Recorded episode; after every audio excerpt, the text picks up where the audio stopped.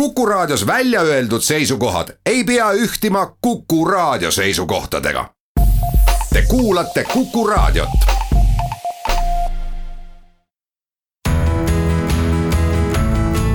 kuku Raadio nädala kommentaar võime või tahtmine midagi teha ei garanteeri veel selle tulemuslikkust. võiks öelda, et juba selle võime iseendale teadvustamine võib tollest samast tulemusest kiiresti kaugemalegi viia. Saaks lausa rõhutada, et oht potentsiaal realiseerimata jätta on vägagi reaalne. üsna juhuslikult sattus nii, et märkasin jaanipäeva hommikul aastal kaks tuhat kuusteist üles Euroopa pealinnas või vähemasti ühes neist kolmest ehk Strasbourgis õhtu varem, siis kui meie laiuskraadi inimesed õlut jõid, liha grillisid ja üle lõkke hüppasid, näppisin ma teleka ees soojaks läinud veinipokaali ja nuputasin, kas põhjainglased, siinkohal just Brexiti hääletuse esmaseid tulemusi raporteerivad sunderlandlased, on ikka päris kindlad, et Suurbritanniast võib taaskord saada kõigil ookeanil seilav suurjõud. Sunderland on küll sadamalinn ja toodab veel pealekauba Jaapani sõiduautosidki, kuid äkki on kuningriigi hiilgeaeg koloniaalvõimuna siiski möödunud hommik tõi muidugi selguse, et nii ei hääletanud üksnes Põhja-Inglismaa, vaid kogu rannikuala ja Wales pealekauba. Aga et asi pole üksnes geograafias, olgu siinkohal kohe mainitud, et Šotimaa ja vabariigiga külgnev Põhja-Iirimaa Brexitit kohe mitte ei tahtnud.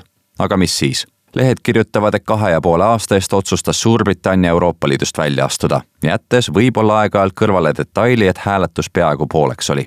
aga nüüd siis juba tänasesse tollest Vana-Euroopa ja meie kandi jaoks pigem saatuslikust sündmusest on möödas üle üheksasaja päeva, kuid ometi piilub see realiseerimata potentsiaal meid endiselt.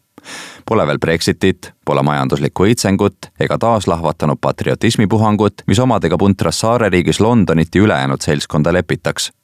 on hoopis oht, et kui kohe relva käest ära ei võta, järgneb lask kuskile pea suunas muide, kui enne juba arvutamiseks läks, siis praeguse seisuga on brittide ametliku lahkumiseni täpselt kümme nädalat potentsiaal selle aja jooksul midagi korda saata on nüüd muidugi erakordselt suur, sest ühe või teise tulemuseni need nädalad Britte viivad.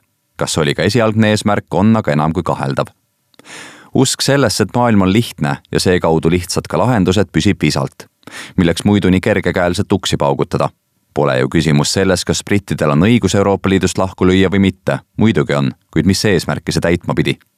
teada on ju muidugi, et kui küsida inimestelt ei või jah, siis tulebki täpselt niisugune vastus, nagu on iga hääletaja kujutlusvõime piirid. aga miks pidi üldse hääletama? siin jõuame jälle tagasi potentsiaalini tänaseks areenilt lahkunud, kuid paljude jaoks sõimusõna staatuse saavutanud David Cameron, peaminister aastail kaks tuhat kümme kuni kaks tuhat kuusteist, haistis juba ammu, et sajandivahetuse paiku vaibunud euroskepsis ähvardab taaskord erakonnast tüki levida meenutagem siinkohal, et sel ajal, kui Eesti oma siiani kehtiva põhiseaduse vastu võttis, kirjutasid britid alla leppele, mis on meile tänaseks andnud euro. üheksakümnendaid saatnud kisklemine tõukas aga toorid võimult ja tõi valitsuse etteotsa kolmanda tee pioneeri Tony Blairi tööpartei koos hilisema peaministri Gordon Browniga pidas nii mõnegi skandaali kiuste vastu uue sajandi esimese kümnendi lõpuni. nüüd taas kord aga tagasi juba peagi lõppevasse kümnendisse ja eelmainitud David Cameroni juurde. kui Euroopa Liidu tänasele alusdokumendile ehk Lissaboni leppele alla kirjutati, lubas Cameron, et britid saavad selle üle hääletada Läks aga nii, et peaminister ei jõudnud piisavalt kiiresti võimule ja pidi oma sõnad tagasi võtma see muidugi ärritas euroskeptikuid ja nii läksid toorid juba kahe tuhande viieteistkümnenda aasta valimistele vastu lubadusega, et kui Lissaboni leppe üle hääletada ei saanud, siis ehk teeks seda üldse Suurbritannia liikmesuse üle. Polnud ju Cameron mingi euroskeptik, ta lausa nägi vaeva, et seda valijale selgeks teha, kuid erakond vajas kooshoidmist, eriti olukorras, kus valimistelt väljuti absoluutse enamusega parlamendis ning kus aasta varem oli Europarlamendi valimistel puhta vuugi teinud neil samadel tormilistel üheksakümnendatel erakonnast lahku löönud UKIP eesotsas Nigel Farage'iga potentsiaal erakonda ühendada realiseerus aga farsiga, kui lahkumise vastu kampaaniat teinud, kuid referendumi korraldanud toorid samamoodi jaanipäeva hommikul ärkasid ja kahe käega peas kinni hoidsid. samuti Brexiti vastu olnud Theresa May haaras peagi ohjad, kui Cameron arusaadavatel põhjustel ametist lahti ütles ning asus tööle, rahva tahet ellu viima kuid ka May pole tulemust saavutanud ega Brexiti potentsiaali realiseerinud, sest see pole kunagi tema eesmärk olnud. jätkunud on plaan parteid koos hoida ja võimul püsida nüüd, kus lahkumiseni on jäänud vaid eelmainitud kümme nädalat, ongi ta lõhkise küna ees.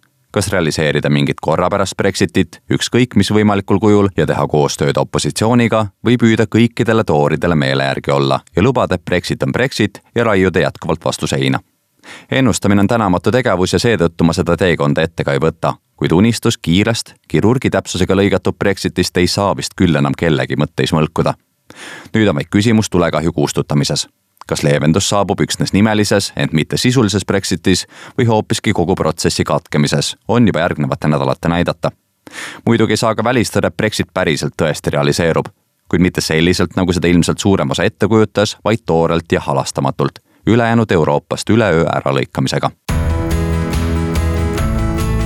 kuku raadio nädala kommentaar